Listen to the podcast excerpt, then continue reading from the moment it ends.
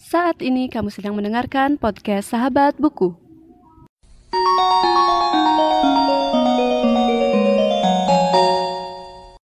Sebelum mendengarkan episode kali ini, jangan lupa follow podcast Sahabat Buku di Instagram di @podcastsahabatbuku.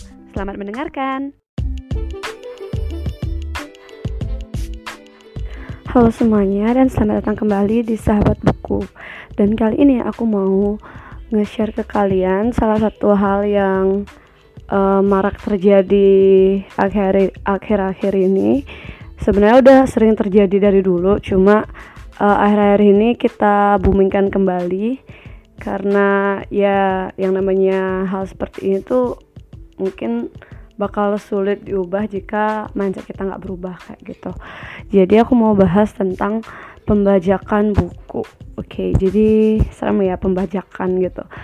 Dan itu emang benar terjadi nggak cuma di buku di gimana ya bisa dibilang pembajakan buku ini pun aku baru tahu akhir-akhir ini loh gara-gara ya banyak yang membicarakan juga dan beberapa penulis dan juga konten konten uh, kreator dari YouTube dan podcast juga udah bahas dan aku mungkin di sini mau share aja tentang pengalaman aku uh, pernah membeli buku bajakan yang jujur sebenarnya nggak sadar kalau itu buku bajakan gitu. Nyadarnya tuh waktu lihat fisiknya itu yang paling kelihatan gitu sih. Dan aku pun pertamanya mikir kalau uh, kalau kita beli buku ya beli buku aja yang penting isinya kayak gitu. Dan aku juga pernah ya make buku yang kayak reprod reproduksi gitu. Kayak buku yang difotokopi atau buku yang diprint ulang. Dan juga beli buku online di salah satu marketplace gitu. Dan ternyata itu buku bajakan kayak gitu. Oke jadi uh, aku nggak terlalu familiar sama buku ya bisa dibilang kayak buku bajakan karena dulu sih dari SD, SMP, SMA tuh beli buku lewat kayak bazar kecil-kecilan karena dulu tinggal di desa gitu ya. Jadi nggak ada toko buku besar gitu. Jadinya kalau emang pas ada bazar buku atau kayak orang orang yang jual buku di jalan gitu pasti lihat-lihat terus ada yang bagus beli. Ya langsung beli gitu. Murah-murah juga paling sekitar 20 sampai 50 ribu kayak gitu. Terus um, aku pertama beli buku itu kapan ya? Uh, waktu ini pernah beli di salah satu toko resmi. Dan awalnya heran sih soalnya mungkin ya mungkin yang namanya orang desa terus uh, tinggal di kota ketemu barang tuh lebih mahal gitu ya. Terus um, kayak sekitar SMA itu aku beli buku ke satu toko buku. Terus aku liatnya kok mahal-mahal banget sih gitu. Harganya ada yang nyampe 100 ribu ada yang 100 sekian. Ya kak novel itu 80 ribuan kayak gitu padahal sebelumnya aku nggak pernah beli buku yang mahal. Mungkin ya bisa dibilang selain buku pelajaran ya kalau buku pelajaran kan udah beda lagi gitu. Kayak misalkan buku-buku bacaan itu nggak pernah beli yang eh, mahal-mahal. Dan juga aku biasa minjem buku di perpustakaan. Jadi waktu SMP suka ke perpus SMA apalagi kuliah sih ya mulai menurun sih.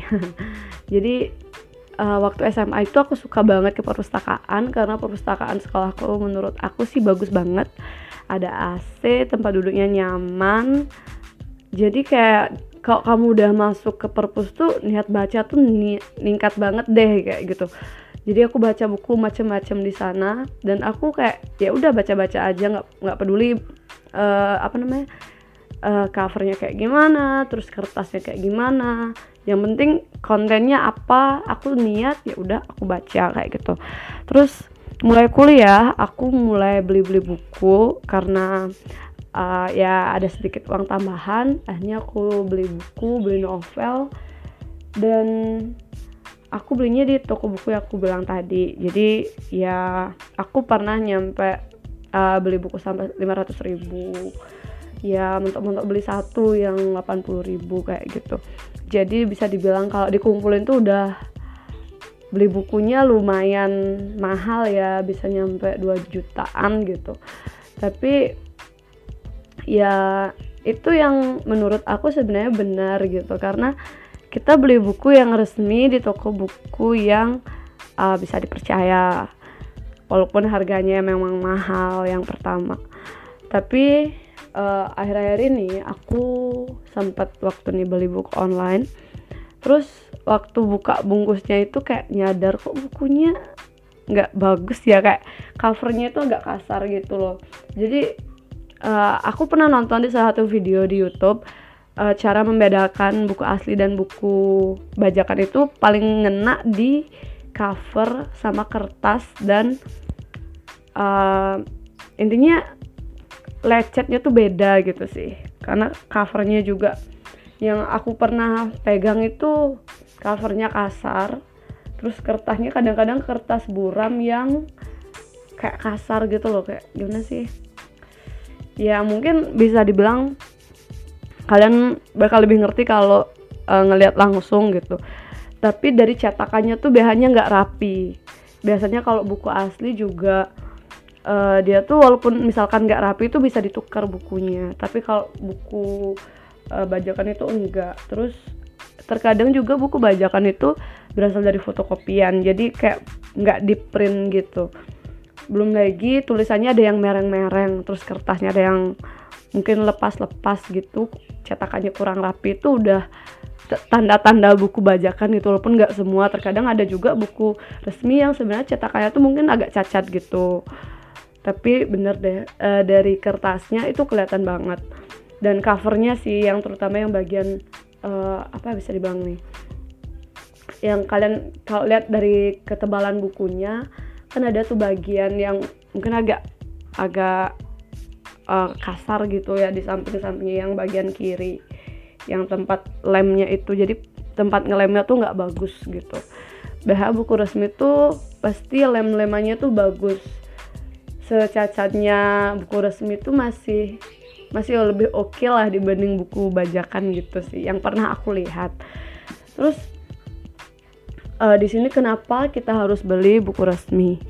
Pertama kalian beli buku itu ada penulisnya kan? Jadi dengan kalian membeli buku resmi artinya kalian menghargai hasil karya penulis. Karena kita beli dari penerbitnya langsung. Atau maksudnya bisa dibilang dari uh, distributor yang resmi gitu. Jadi bukunya asli, bukunya dari penulis yang asli, uh, penulis yang asli, uh, maksudnya dari sumber yang asli gitu. Selain itu juga kita ya berkontribusi untuk um, bisa dibilang nggak merugikan distributor, penerbit ataupun penulis. Karena kalau kita beli buku bajakan, artinya kita beli dari sumber yang ilegal yang nggak uh, bisa dibilang bukan uh, toko buku yang resmi, bukan dari penerbit yang resmi dan mereka tuh kadang-kadang nyetak ulang buku asli, mungkin kayak di fotokopi atau sejenisnya dan itu um, sebenarnya sih melanggar hak cipta gitu. Kalau kalian tahu di buku apa pun biasanya pasti ada undang-undang sanksi pelanggaran pasal 113 Undang-Undang Nomor 29 Tahun 2014 tentang hak cipta. Jadi di sana ada empat pasal yang bisa kalian baca gitu karena uh, sebenarnya kita nggak boleh memproduksi ulang tanpa seizin dari penerbit dan penulisnya. Jadi coba aku bacain keempat-empatnya ya. Yang pertama, setiap orang ya setiap orang yang dengan tanpa hak melakukan pelanggaran hak ekonomi sebagaimana dimaksud dalam pasal 9 ayat 1 huruf I untuk penggunaan secara komersial dipidana dengan pidana penjara paling lama satu tahun dan atau pidana denda paling banyak 100 juta rupiah. Itu udah banyak banget loh. Jadi ya gimana ya bisa dibilang kita nggak seharusnya memproduksi ulang ataupun bisa dibilang memperjualbelikan buku-buku ilegal kayak gitu. Terus yang selanjutnya uh, setiap orang yang dengan tanpa hak atau tanpa izin pencipta atau pemegang hak cipta melakukan pelanggaran hak ekonomi pencipta sebagaimana dimaksud dalam pasal 9 ayat 1 huruf C, huruf D, huruf F, dan atau huruf H untuk penggunaan secara komersial dipidana dengan penjara paling dengan pidana penjara paling lama 3 tahun atau dan atau pidana denda paling banyak 500 juta rupiah. Dan yang selanjutnya setiap orang yang dengan tanpa hak atau tanpa dan atau tanpa izin pencipta atau pemegang hak melakukan pelanggaran hak ekonomi pencipta sebagaimana dimaksud dalam pasal 9 ayat 1 huruf A, huruf B, huruf E dan atau huruf G untuk penggunaan secara komersial dipidana dengan penjara pidana penjara paling lama 4 tahun dan atau pidana denda paling banyak 1 miliar rupiah. Dan yang terakhir, setiap orang yang memenuhi unsur sebagaimana dimaksud dalam ayat 3 yang dilakukan dalam bentuk pembajakan dipidana dengan penjara pidana penjara paling lama 10 tahun dan atau pidana denda paling banyak 4 juta 4 miliar rupiah. Oke. Jadi bisa dibilang dendanya itu sebenarnya banyak-banyak banget, tapi ya mungkin uh, menurut aku apa ya, hak untuk bukan sih hak, lebih ke kesadaran orang-orang untuk hal seperti ini tuh masih minim banget di Indonesia karena kita bisa menjumpai buku-buku bajakan itu di mana-mana, nggak cuma di satu daerah, tapi bisa di mana-mana.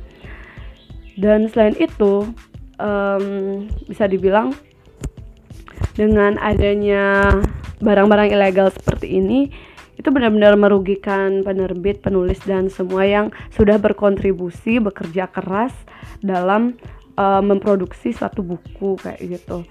Dan itu kayak apa ya membatasi kayak membatasi pasarnya distributor dan produs pro, apa tuh uh, yang memproduksi buku yang resmi kayak gitu. Contohnya ya bisa dibilang misalkan mereka tuh jadinya uh, penghasilannya kurang terus nggak bisa bayar royalti penulis karena memang ada yang sampai bangkrut gitu karena emang bukunya itu udah dibajak di mana-mana sehingga nggak ada yang beli buku resminya kayak gitu. Dan zaman sekarang itu kan udah yang namanya uh, dunia internet gitu ya. Terus banyak banget ebook uh, yang bersebaran di internet tuh gratis. Dan itu pun sebenarnya sudah termasuk dalam salah pembajakan karena kan kita dalam tanda kutip mencuri apa yang udah uh, diproduksi sama penerbit dan uh, penulis itu sendiri kayak gitu. Sebenarnya itu nggak boleh. Tapi ya seperti yang aku bilang tadi kesadaran tentang hal-hal seperti ini sangat minim. Sehingga orang tuh bebas banget mau mau fotokopi mau apa namanya mau memproduksi ulang, mau ngebajak apa pun tuh kayak gampang banget. Karena emang walaupun ada undang-undangnya nggak ada yang mengindahkan dan nggak ada yang kayak ngeh gitu sama hal-hal kayak gini. Kalau nggak dari masyarakat sendiri yang bisa dibilang sadar lalu siapa lagi?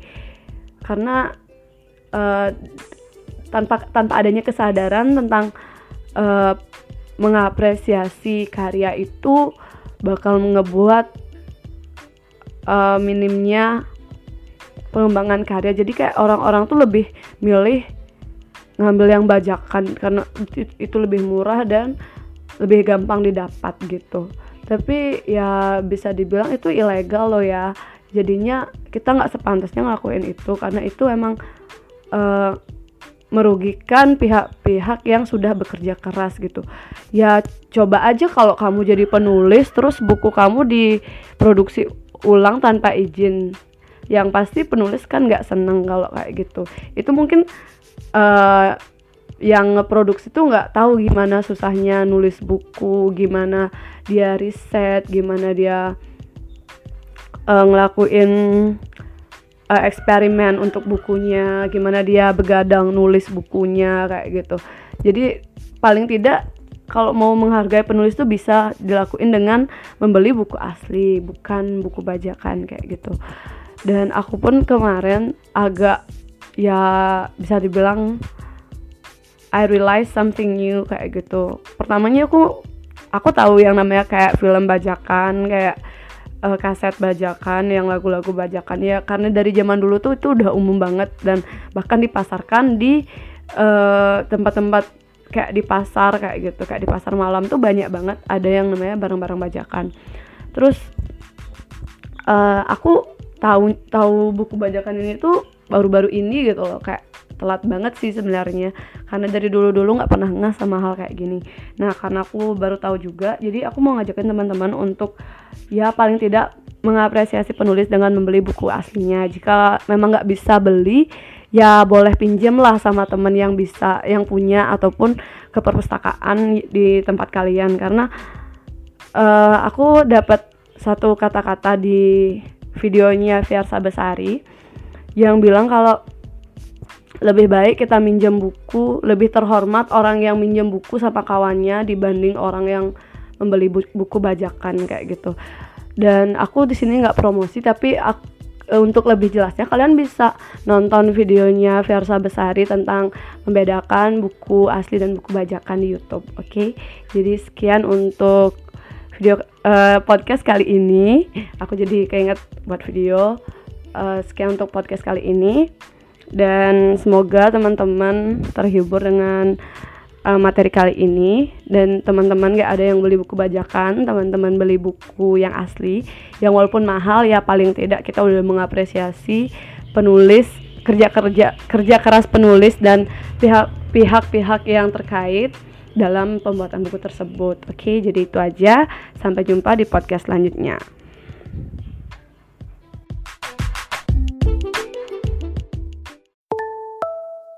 Terima kasih sudah mendengarkan podcast Sahabat Buku. Bagi pengguna Spotify, jangan lupa follow. Dan pengguna Apple Podcast, jangan lupa subscribe supaya bisa mendengarkan semua episode baru dari podcast Sahabat Buku. See you in the next episode.